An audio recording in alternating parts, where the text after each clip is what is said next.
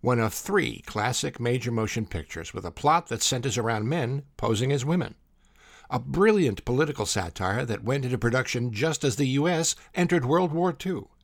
One of the funniest entries in the franchise starring a true comedy genius, an unfairly forgotten farce starring Walter Matthau and a playwright actress and the female half of a legendary improv duo, and a French comedy crime movie set in 1833 about a monk that stays at an inn where the innkeeper confesses to murder. What do these movies have in common? They happen to be the top choices of a brutally funny person who's committed murder himself in print. I'm Rob Bartlett. Welcome to Five Favorite Funny Films.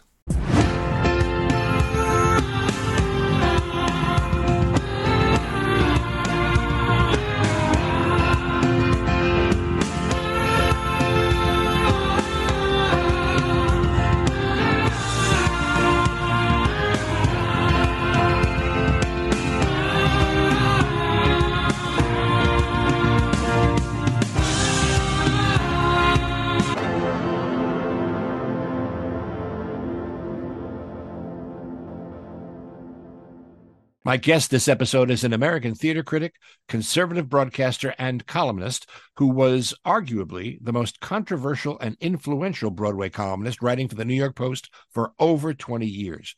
His no holds barred, take no prisoners attitude regarding the Great White Way and its denizens has made him one of the most feared figures on the New York theater scene. So much so, he's been nicknamed the terrible infant of the New York press. See what they did there? They took the phrase infant terrible and they made that so that the New York Post readers could understand it. His book, Razzle Dazzle, The Battle for Broadway, which is currently in development to be a television series, the sequel to that book, Singular Sensation The Truth of Broadway, also a bestseller, and he can currently be heard on 710 WOR radio weekdays from 6 to 10 a.m. as the co host of Len Berman and Michael Riedel in the morning, which, as far as I'm concerned, is a show where the billing buries the lead. Please welcome to 4F my friend, Mr. Michael Riedel. Rob, how are you? I want to object to something you said. Okay. Not arguably the most powerful, was the most powerful columnist. You do not have to use the adjective argument. I was the. You remember back in the day when my columns came out on Wednesdays and Fridays, the entire theater world ran to see what the hell is Riedel gonna do to us today. Well, I say that because I, I'm one of the few people who knows what a pussycat you are. So I had to put the arguably in there. But you are relentless and you you're brutal. And as a result, are hysterically funny. We were talking last week, and you told me this little pun that you had. It was Liam Neeson. So Liam Neeson is in David Hare's play, playing Oscar Wilde in The Judas Kiss, mm-hmm. and I called the play Schindler's Lisp. by, the way, by the way, I got to tell you, the great story. Liam Neeson is wildly miscast as Oscar Wilde. I mean, Liam Neeson is there's no straighter man in Ireland than Liam Neeson. And he's a very particular set of skills. Exactly right. And he's playing gay Oscar Wilde. And I remember interviewing David Hare for my book, Singular Sensation. And David said he went to a preview of the show and he'd heard that the New York Times was going to kill it. And David said, I went to Un Deux Trois, a great theater district restaurant, and he said, I got so drunk, the drunkest I've ever been in my life, knowing that the Times is going to kill my play, that as I tried to walk back to my hotel, the streets of Manhattan were flowing an earthquake was happening. so. So, uh, but that's why you qualify as one of the funny people that I have called upon to tell me their five favorite funny films. The idea, it's kind of like Desert Island Discs, but this is more like you got to take a rocket ship to Mars and there's only room for five DVDs. And so you have to choose the five DVDs of the films that you are going to be now watching for the rest of your life. And you have a very eclectic list. Do you want me to read the list or do you want to just do them one by one? Uh, you'll have to rem- remind me of the list because, Rob, uh, the podcast has not been that important to me. So I think I sent you an email. so I, I, knew, I knew. I, I just, I thought to myself, do I invite him? It's not going to go well for me. You chose Tootsie. I chose Tootsie. Yeah. You chose Revenge of the Pink Panther. Yes, I did. Yep. You chose not so obscure, but to be or not to be, but the original with Jack Benny, not the Mel Brooks remake. And then you chose very interesting choice, A New Leaf with Walter Matthau. Love that movie. And, and Elaine May. And then you chose a French farce set in 1883 um, called The Red Inn. Yes, well, the movie was made in 1951 because uh, right, but it's it's based on. I mean, right. it's set in 1883. Uh, yes, but as you know, there were no movies made in 18. No, I know. Oh, Jesus Christ, it's going to be one of those kind of interviews. I just knew it.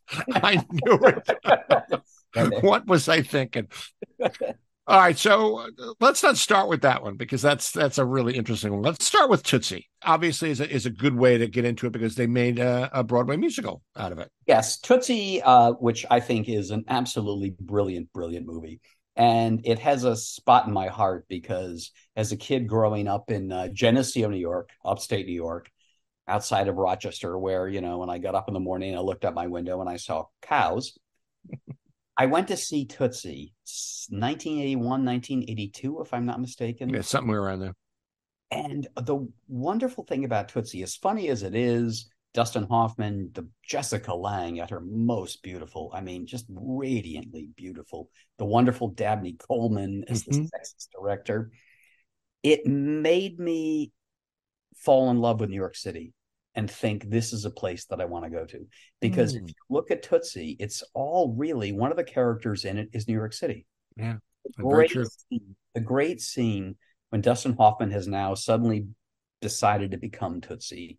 He's walking down 57th Street on his way to the Russian tea room to meet his agent, played by the director of the show, uh, Sydney Pollack. Mm-hmm. I love the fact that Sydney Pollack cast and Sydney Pollack. By the way, that performance is sh- he should have won a Tony Award for that performance. He's great in that part, and it, I was actually up for that part in the musical. And I, one of one of the, the, saddest disappointments of my career was that I didn't get that part because that's my favorite part in the whole movie. I, he is so funny. That scene they have together um, when when when Dustin Hoffman goes to to complain about his career. By the way, if you look at the decal on the back, it's the beginning of CAA. If you look at that scene, you see something sort of like the logo for the early CAA. Oh, wow. And he's in there and he comes in and says, You've got one of the worst reputations in this town, Michael. Nobody will hire you. Are you saying that nobody in New York will work with me? Oh, no, that's too limited. Nobody in Hollywood wants to work with you either. I can't even send you up for a commercial. You played a tomato for 30 seconds. They went a half a day over schedule because you wouldn't sit down. Yes, it wasn't logical. You were a tomato! A tomato doesn't have logic. A tomato can't move. That's what I said. So if he can't move, how's he going to sit down, George? I was a stand-up tomato, a juicy, sexy beefsteak tomato. Nobody does vegetables like me. I did an evening of vegetables off Broadway. I did the best tomato, the best cucumber. I, I did an endive salad that knocked the critics on their ass. The next scene after this is you get go Tootsie go, and you see Dustin Hoffman emerge on 57th Street in the dress, mm-hmm. going into the Russian tea room as Sydney Pollack is sitting there, you know, getting his menu. And she said, blah, blah, blah. and then he says, it's Michael Dorsey. It's says, Michael, I begged you, begged you. to get help. I begged you to get therapy. I know. But there's there's so many wonderful things in that movie. I love the actor Charles Durning, Jessica Lange's father, where he's falling in love with Dustin Hoffman. Uh-huh. And that scene at the end of the movie when Dustin Hoffman has taken his wig off, cut to Charles Durning, like, ah, he's eating a sandwich. Ah. But then because he had given, Charles Durning had given Dustin Hoffman an engagement ring, Hoffman goes at the end of the movie to the bar in upstate New York where he's from. And he's sitting there drinking a beer and and Durning comes in and he looks at him. And all of a sudden he realizes, holy fuck. and Dustin Hoffman pushes the ring aside and say, not now, not now. Put it away. I mean, the, the, the chemistry between the two of them, the chemistry in that movie is unparalleled. It's also cast impeccably. I mean, in addition to Dustin Hoffman and Sydney Pollack and Jessica Lange and Charles Durning, you have Coleman. Coleman, Teri Garr, Yes. Oh my God. Yeah. Yeah. Bill Murray, Uncredited. George Gaynes, sadly uncelebrated comic actor, and Geena Davis. Oh, fabulous. And it was her debut. It was her film debut. When she's in the dressing room, when Dustin Hoffman comes in as Dorothy, you know, Mhm. Geena Davis is in her underwear and he's Mhm. trying not to look at her. so subtle. And it was written by my friend, the wonderful Larry Gelbart, yep, who absolutely hated Dustin Hoffman. Hated really. He said Dustin Hoffman was a pain in the ass. And Larry had a great line. He's I, I once asked him, or somebody asked him, what was it like to work with Dustin Hoffman? And Larry said, uh, never work with an Oscar winner who's shorter than his statue. See, this is why I invited you to be on this because you have all these great stories about these people. I love Larry. And I would call him up. And there was a period of time where a lot of people were dying. And I would Mm. always call Larry to get a comment uh, for the obituaries. Mm-hmm. And I once called Larry and he said, All right, who's dead today? Mm. So, and then when he died, it was it was sad, but he was he was just terrific. I mean, a brilliant, brilliant, as you know, as a comedian, as a comic writer, how brilliant Larry Gelbart was. Oh, he's he's the king. I mean, he's just sui generis, as we like to say, in the effete You pretentious cocktail group. All right, so Elaine May, that gives us a little segue into another one of your five favorite films, A New Leaf with Walter Matthau and Elaine May. I love this movie because it has the best opening of any movie. So Walter Matthau is this rich playboy. He's got all this money in the world, and then they tell him, actually, um, you don't have as much money as you thought. Your investments have tanked, and you're poor. and the movie opens. he, he goes to the maitre d at the best restaurant in New York, and he's saying goodbye to all of the people says goodbye to the maitre d. he goes to his tailor, who's always made his suits. He's saying goodbye to his tailor. he goes to his car dealership where he buys his Maseratis, and he's saying goodbye. And he's walking along the street. I'm poor. I'm poor, and he's never been poor. And then he meets Elaine May, who is a botanist, right? But she's an heiress. Mm. So she's used her she's used her used her millions to be a botanist. And then he thinks, oh, I can slip into her life. I can suck up to her. I can marry her and I can kill her and I can get her inheritance. So he courts her, he dates her, and she's like, she's not stupid, but she's daffy, you know, Mhm, mhm. but she's got all this money. And then yet all around her are all of these creepy, weird people, her accountant, her lawyer, who are all sucking off her money. And Walter Matthau thinks I can be one of them too. And the brilliance of the movie is that in the course of the story, he actually begins to care about her and fall in love with her. Mm. He peels away all of the hangers on. And then just as he's about to kill her at the end, he can't do it because he falls in love with her. Mm. It's it's a wonderful uh, uh, structure. It's just a wonderful conceit of a movie. And I talked to Elaine May, who's still with us, God love her. Uh, I I talked to her many times, and I said, Elaine, this is a musical. This is a perfect musical. yeah. And a lot of people have come to me, but you know, she didn't know what to do with it. But I still think that that conceit of the man who lost all of his money now sees a woman that he can kill to get the money again, and then sees all of the evil people around her sucking up to her, milking her, and then falls in love with her and saves her from those people. I think that's a great construction for a play, uh, uh, great for a movie and a musical. You know, it was critically acclaimed when it came out. I think it was 1971. And Elaine wrote it and directed it as well as, as starred in it. Also, another great cast Jack Weston, James Coco, Doris Roberts, George Rose. I mean, they expected so much out of this movie. It was such a big deal. It it ran at Radio City, but you know, it never really did well at the box office. But the Library of Congress nominated it and actually chose it for preservation in the National Film Registry.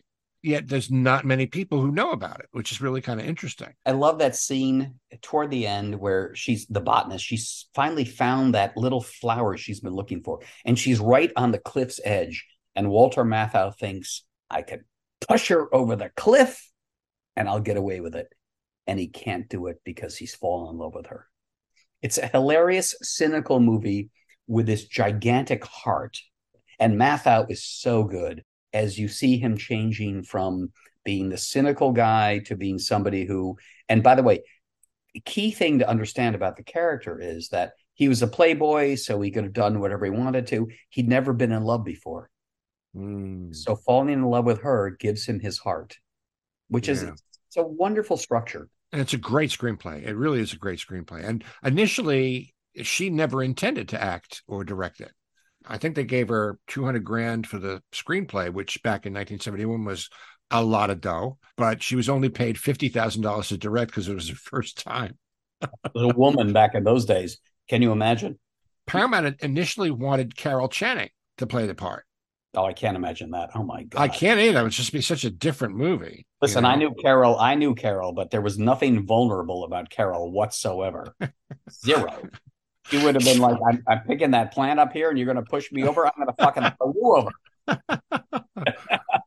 Walter Matthau at his best. Was there oh. anybody near Rob than Walter Matthau? Oh no! I mean, he was just in terms of comic actors, he's definitely in the top five. I would say for sure. But also, what I love about all those characters, Jack Weston, George Rose, all those hangers on around her. There's a great scene of that movie where Walter Matthau comes into her apartment and he sees all these sleazy people hanging around her and they're just trying to milk her for everything.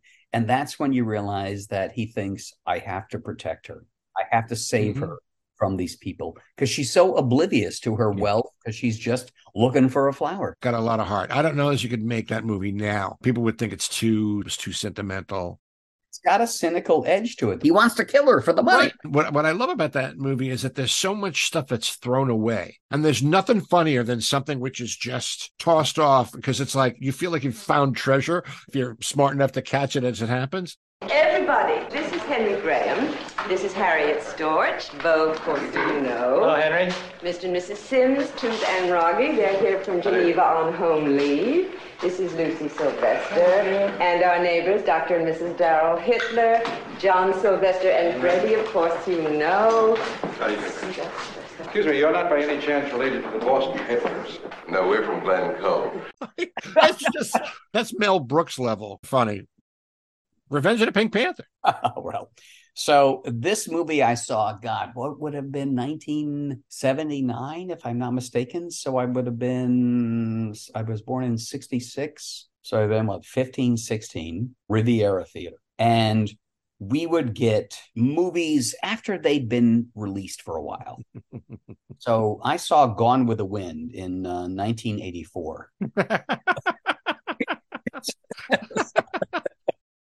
but we would always get the movies that were out there and that's what i would do on a saturday night. I mean uh, listen i was a kid who fell in love with show business somehow and i would go to see the latest movie at the riviera theater in geneseo new york. And i went to see something called revenge of the pink panther and i could not stop laughing because of peter sellers as inspector clouseau I had never seen anything like that. I didn't even know what French people were. I didn't even know where Paris was. And I saw this movie with this hilarious detective, Inspector Clouseau, bumbling his way through this movie. I laughed and I laughed and I laughed. And and Rob, I loved it so much. I think I may have gone. I used to go to the movies by myself. My parents would give me the money. To give me the money, give five bucks. Get you out of the house. Yeah. Oh, that's right. Because I was a critic back then, and I said, "Mom and Dad, I I think your show really sucks." So I'm the, sp- the spaghetti was very lackluster and it had no Mom, your food it had no drive. There was no through line. And they gave me the money. They would always give me the money, five bucks. I remember this. God, takes me back. And I would go to the Riviera Theater, and I went to see the Pink Panther. And Peter Sellers made me split my rib cage Mhm. laughing at his antics in Revenge of the Pink Panther. He seemed to be a constant uh, with everyone that I've been interviewing so far. Everyone has either one of his films on their list or uses him as a touchstone to explain, you know, why they like another film. He's otherworldly in terms of his ability to play all different characters. He and Jonathan Winters were two huge influences on me being able to be a whole bunch of different characters. Doctor Strangelove, he plays you know, yeah. two, at least two characters in Doctor Strangelove, and then and then as Clouseau, they started letting him do other, like in Revenge of the Pink Panther. He one of his disguises is Toulouse-Lautrec, and so he does this whole thing with the singing. Thank heavens for little girls. They keep on getting smaller every day. They grow down into Yes? The special delivery. Special delivery at Ben. Were you expecting one? It's it's a scream. And, and I think is that the movie that started the pronunciation running gag, you know? Fern is a boom. At the end of the movie, it was Dyan Cannon, by the way, who's drop dead gorgeous in Revenge of the Pink Panther. And then Peter Sellers at the end with the end credits is going, I'm going to read the booms. And your head just the booms? Yeah, the bimps, the bimps. What are, what are the bimps? The bimps. he, he's so brilliant. Have you ever? Did I send you a link to um, his bit about uh, Balham, Gateway to the South? You told me about it, but you didn't send me the link. I'd, I'd love to hear. Peter Sellers was doing a bunch of albums in the 60s, comedy albums, which are fantastic. Well, he started with the Goon Show, right? With Spike Milligan and right, he did their whole thing. And then he did stuff on his own. Right. He did this comedy album. I can't remember what was called now. And back in those days, in the early 50s, when you went to the movies, there would be these movie reels and they would have a travel log and they would and i think the guy's name was fitzpatrick i think if i'm not wrong and now we go to the banks of the Nile to see the pyramids. And it was a travel log. They would go there and they would see the Nile, and then they would go to Africa and they would go to exotic places. And the guy would always say, and and now we bid farewell to the banks of the Nile. And it was like exotic places that, frankly, people in England in the 50s could never have gotten to, right? So Peter Sellers did this satire of that. And now we go to Balham, which was this dumpy suburb of London. Balham, gateway to the south.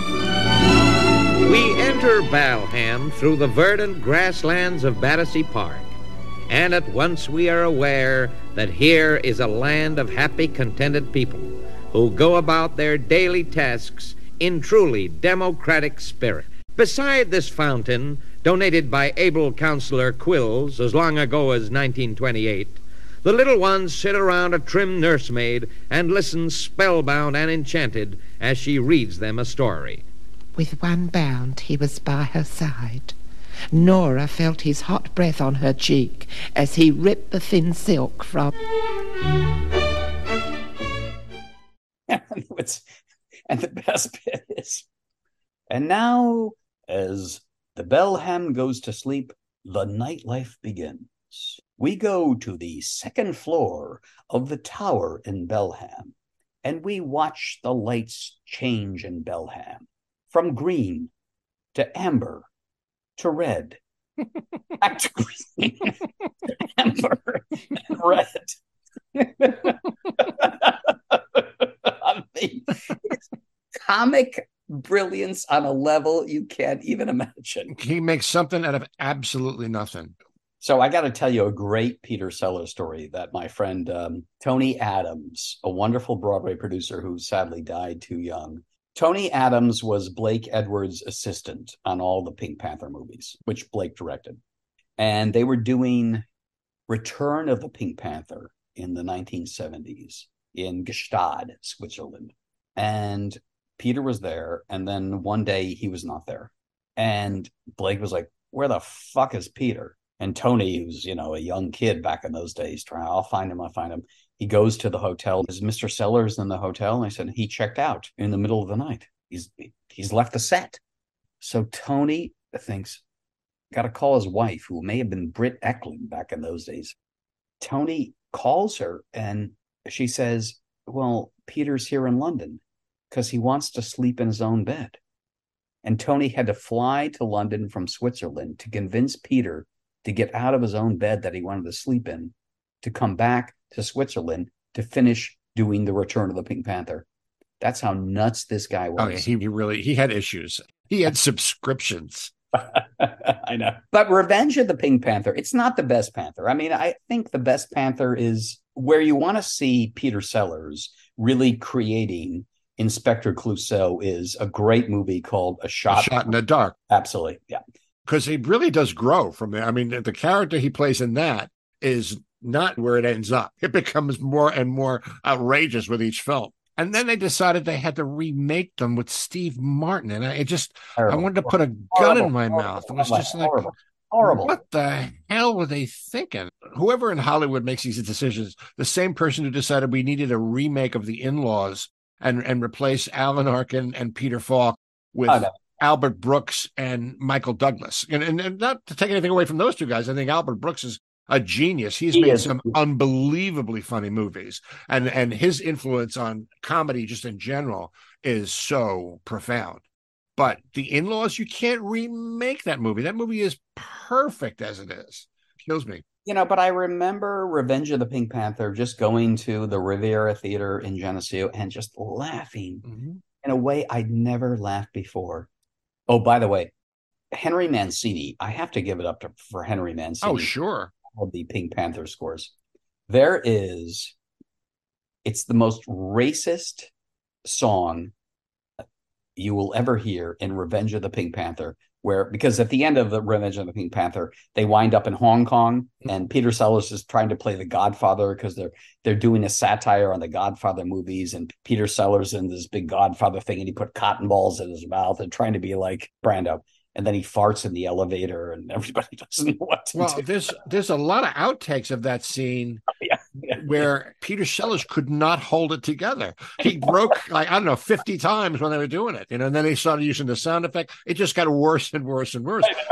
Both those movies were among the first, I think, to do those credit outtake scenes. Again, I, yeah. I don't remember another movie before that that had done those things.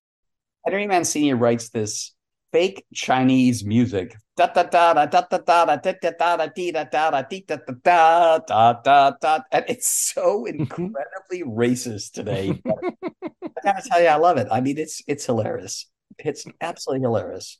the Peter Sellers stuff was made in a time where political correctness didn't exist. One of the great running gags in, in film, his butler or houseboy, I guess they used to call him in those days, Hey, Tato, Would try to surprise him with the attacks. the batons and the Yeah. like, Oh, ah. Kato, Kato. I think I've soaked you through to your little yellow skin. I mean, The problem, Rob, for you guys, you comedians, is you can't do this fucking shit anymore because it's Wow. it's hilarious, but you can't do it. I, I often wonder if George Carlin, if he were around today, what he would think of all this, because it just seems to be so antithetical to what comedy is supposed to do. To have this cancel culture attached to it. I mean, you know, Imus had one of the greatest lines I've ever heard in terms of trying to assess people being offended and going over the line and being politically incorrect and maybe racist. His line was everybody thinks it's funny until it's about them. And that's the bottom line. You know, it's like they'll laugh at a Polak joke if they're not Polish. People have this tendency to want to be critics. if you're going to have this kind of sensitivity to it, you're going to lose comedy. I mean, Jackie Mason's great routine, and I love Jackie. He was an old friend of mine. The Metropolitan Opera, the biggest bedroom for every Jew in town. They go in. it's it's so true. I mean, ethnic stereotypes, you can make fun of them, and I suppose we're not supposed to do it. But the best comedians know the culture that they came from, and they make fun of who they are. Yeah, and, Mel Brooks is one of those rare people who was able to really find the perfect way of addressing that kind of thing. Blazing Saddles, if you have to pick one Mel Brooks movie, it's a tough call because there are three that could easily be in my top five between the original producers with Zero Mostel and Gene Wilder and Blazing Saddles and Young Frankenstein. Those three are just genius. But Blazing Saddles, and I think because Richard Pryor was one of the screenwriters, and I saw Mel speak about it and said he could never make that movie today. Sad commentary. I mean, you look at 1968 and he made a movie about doing a musical about Hitler. And and I think that was one of the reasons that he felt a kinship to the Jack Benny movie To Be or Not to Be, which he remade almost frame by frame of the original which was very bold in its day because they made this movie, this anti Nazi movie, just as the United States was entering World War II. What a genius picture that was. To Be or Not to Be is on my list of the greatest comic comic movies of all time. Benny and Carole Lombard at her most radiant. Jack Benny and Carole Lombard are the two big stars of the theater in Warsaw, Poland. And the opening bit, I will never forget this. Carole Lombard comes out in this gorgeous gown and she says, Do you think this is appropriate for the concentration camp scene? With Jack Benny as the oblivious, narcissistic actor who thinks that everything is all about him until it's not, until the Nazis invade Poland. And then he becomes the person who is trying to be a, a member of the underground assassinate Hitler. It's comic genius. And then uh, maybe he will like the Fuhrer a little better, won't he? Sure. He uh, he doesn't like him now, does he, Wilhelm? No, he doesn't. And uh, sometimes he even says funny things about him, doesn't he? Well, he said they named a brandy after Napoleon, and they made a herring out of Bismarck, and Hitler's going to end up as a piece of cheese. Heil Hitler! Heil Hitler! Heil Hitler! Der Führer! Heil Hitler! Heil myself. It's definitely done. And it's another one of those movies where they throw away lines. And it's also very heartfelt. That okay. one uh, scene, I think it's towards the end, one of the actors gets stopped and they're trying to escape. You know, oh. trying to take this group of Jews and escape, and and he gets stopped, and it, you could tell this guy's been in theater for his entire life. He's an old guy, probably from the Yiddish theater, and he does the soliloquy from oh. Merchant of Venice. If you cut me, do I not bleed? It's it's Ernst Lubitsch, who was a great filmmaker. He did Ninotchka, great movie. Ernst Lubitsch fled Germany so it opens it's so funny. It opens in warsaw poland just before the nazis kill poland. And jack benny he's married to carole lombard and they're doing this heavy hamlet. And he walks out and he says to be or not to be. And robert stack it's because he's met jack benny's wife carole uh-huh.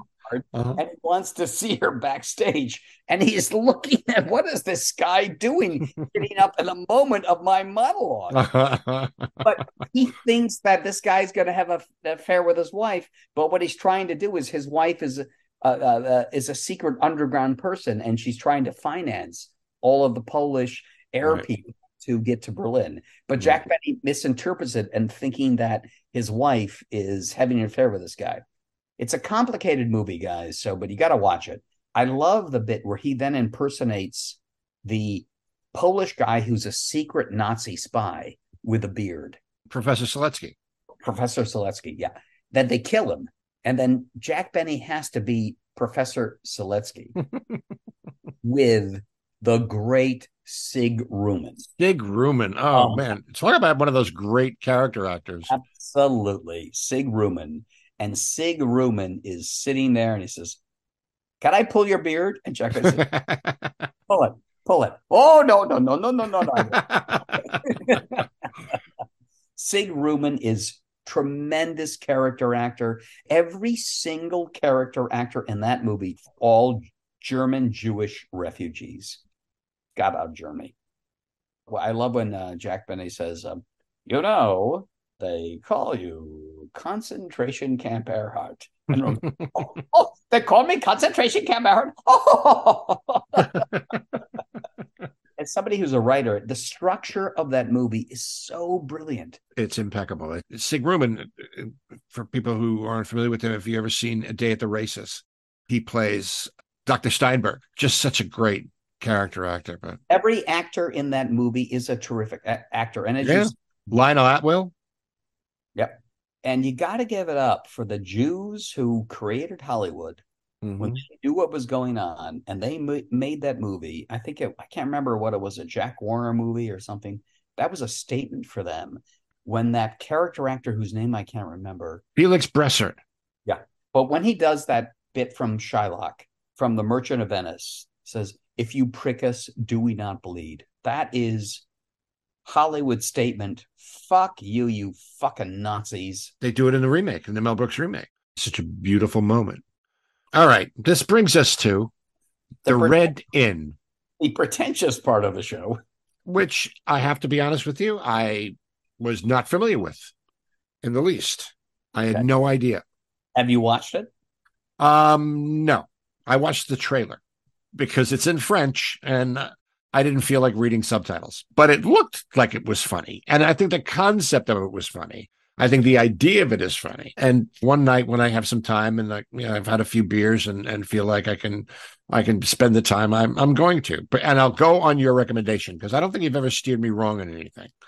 I don't. Um, so the Red Inn is a, a French movie from 1951 starring a brilliant French comedian named Fernandel. No one in America would ever know him, but he was a huge, huge movie star back in the day in France. And I discovered it, Rob, because I was in high school and I was taking French with, um, God, what was her name? Mrs. Do you remember this, Rob? You never knew the first names of your teacher because the, you always called them Mr. and Mrs. So I always called her Mrs. Murata, and she was my French teacher. She would take us to Rochester, New York, not too far from where I grew up, see movies at the Little Theater. I don't know if it's still around, but they were French movies and we would have to watch these movies in French mm-hmm. to learn French, and that's what I was taking. And what know, a great idea! And this movie is the conceit is so brilliant. It's called uh, L'Auberge Rouge. And shall we do the rest of the interview in French? Does your dog bite? it's not my dog. Um, so anyway, so we have this movie, and here's the conceit of the movie, which I, I, I really think is terrific. There's these group of travelers, including a priest, and they check into L'Auberge Rouge, the Red Inn, and the priest is there. And the woman who, with her husband, owns the inn, she says, I have something heavy on my heart I have to tell you. Well, the confession is sacred. So she said, We um we poison all of our guests and we steal their belongings. and, and so the priest is now under the vow of the confessional. So we can't tell people checking into the inn that they're all about to be killed. So the farce begins when he's trying to keep them all awake. And she says, Oh, yeah, we put sleeping pills in their soup.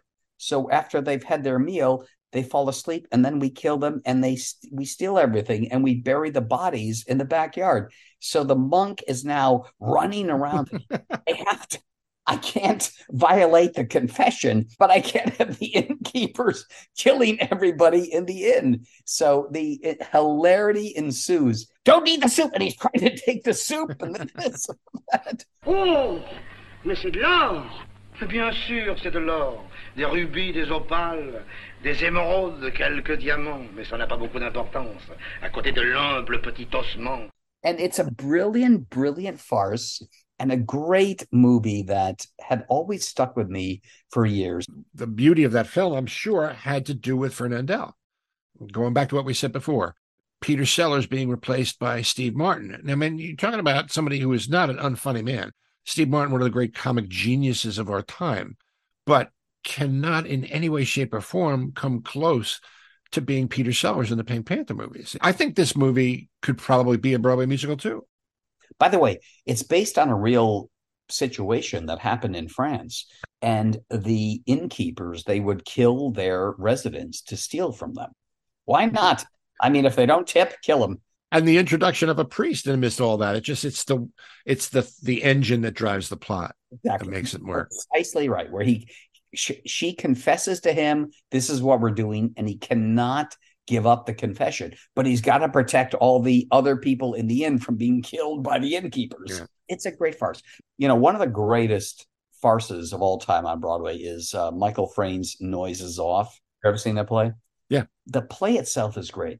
So you have the rehearsal in the first act, then you have the behind the scenes crap that's happening, and then you have back when they open, everything is going wrong what was great about that was the fact that they actually had the set that turned around. You had the set from the front, and then they had the flip side from the backstage.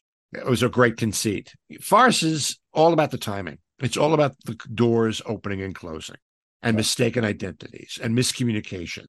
That comedy troupe in England has made it the play that goes wrong, the the Christmas Carol that goes wrong, the Peter Pan that goes wrong. They've made careers out of just doing these stage things about whatever could possibly go wrong going wrong. The genius of farce, though, was always that we've got everything set up because we know what we're doing, and then it goes spectacularly wrong. Right. And then we have to figure out how to put everything that fell apart back Mhm. together again. and that is, as the movie we discussed, Tootsie. You cannot have comedy without the thing that goes wrong. Always has to go wrong at the end. And that's where the fun begins. Yeah. Yeah. I mean, I think that was that could certainly be said about more to love a big fat comedy. What went wrong? I figured I'd bring it up before you could bring it up. That way I'd be safe. Here's the here's the thing, Rob. You want the show to go wrong. You want in the structure of the show to Well, let's do the pull quote from the Times Review. Peter Marks, avert your eyes. I mean, it doesn't get better than that. That's almost Riedel worthy. I wish that we had taped it. I know they, they keep a record of most productions at Lincoln Center at the they have that library where they have committed some of the film and some of the video. And I wish we had done ours so that you could see it. I'd be curious to see your review Oh, sadly, you didn't run long enough. It closed overnight. No, no, no, no. It was 16 previews and four performances. Thank you very much. We had four performances. What Um, was it like for that moment when you picked up the New York Times? I knew I knew there was something not right because Dana Reeve, who played my wife in the show, got to the opening night party ahead of me, and she was moving into the room, and all the press was following her into the room as I entered the the restaurant with my family. And two of them, two of the members of the press, looked back and saw me, and then turned around and walked. Keep following Dana, I knew then that it was gonna something was not gonna be right. And then you hear the whispers. The Reviews are mixed. Mixed meaning some just really hated it and some really fucking despised it. I guess it was three o'clock in the morning. I, I waited until the, the New York Times was delivered to the 7 Eleven near my house. And I went and I got it and I read it. And I knew that I was going to have to be on the radio the next morning. And Imus and the crew were on a remote and I had to be on live from New York in the studio. And I knew that that was waiting for me. It was not a good time. I'll put it that way. And I had not booked anything stand up wise for a year, figuring I was going to be busy. So I had no work on top of all that. And then the very next year, I did this off Broadway play, and the New York Times review was Rob Bartlett was inspired. So it's like that's the way this business works. You know, By the way, I have to say that play that you did, I think it's when you and I got to know each other. uh huh. Tabletop. That was Tabletop is a terrific play, Mhm. and you were great in it.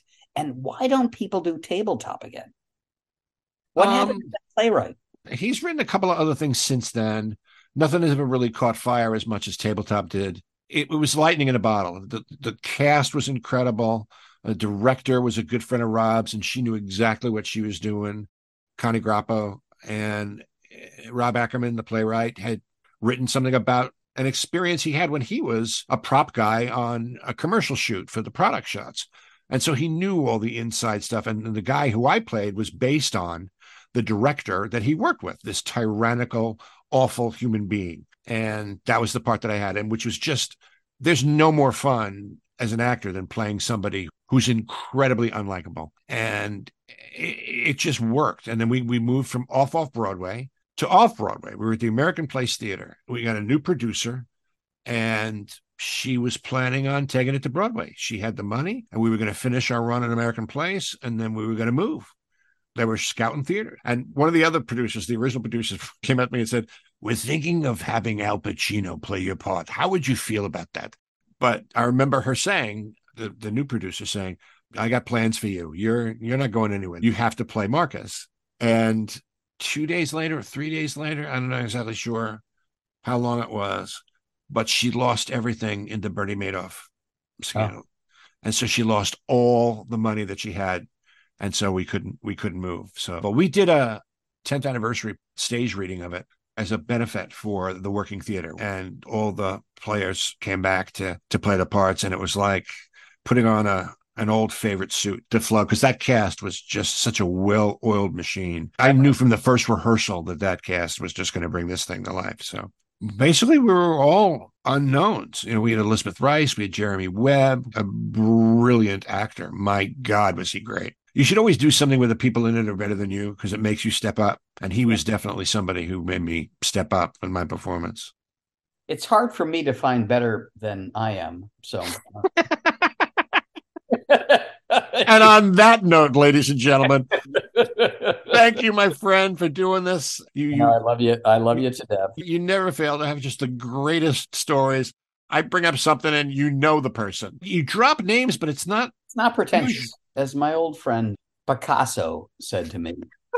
Michael, just paint the eyes going in different directions. You'll be fine. Ladies and gentlemen, if you get a chance to read either of those books, please do. Razzle Dazzle, especially, is just great. And you should read it before it becomes the, the TV series. So that way you can go, oh, I remember that part from the book.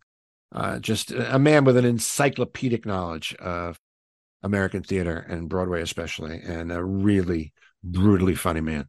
And Rob, I will find a place for you in the show. I mean, uh, do you still do background work? well, I'm I'm thinking of going to get scanned so that they can AI me and everything.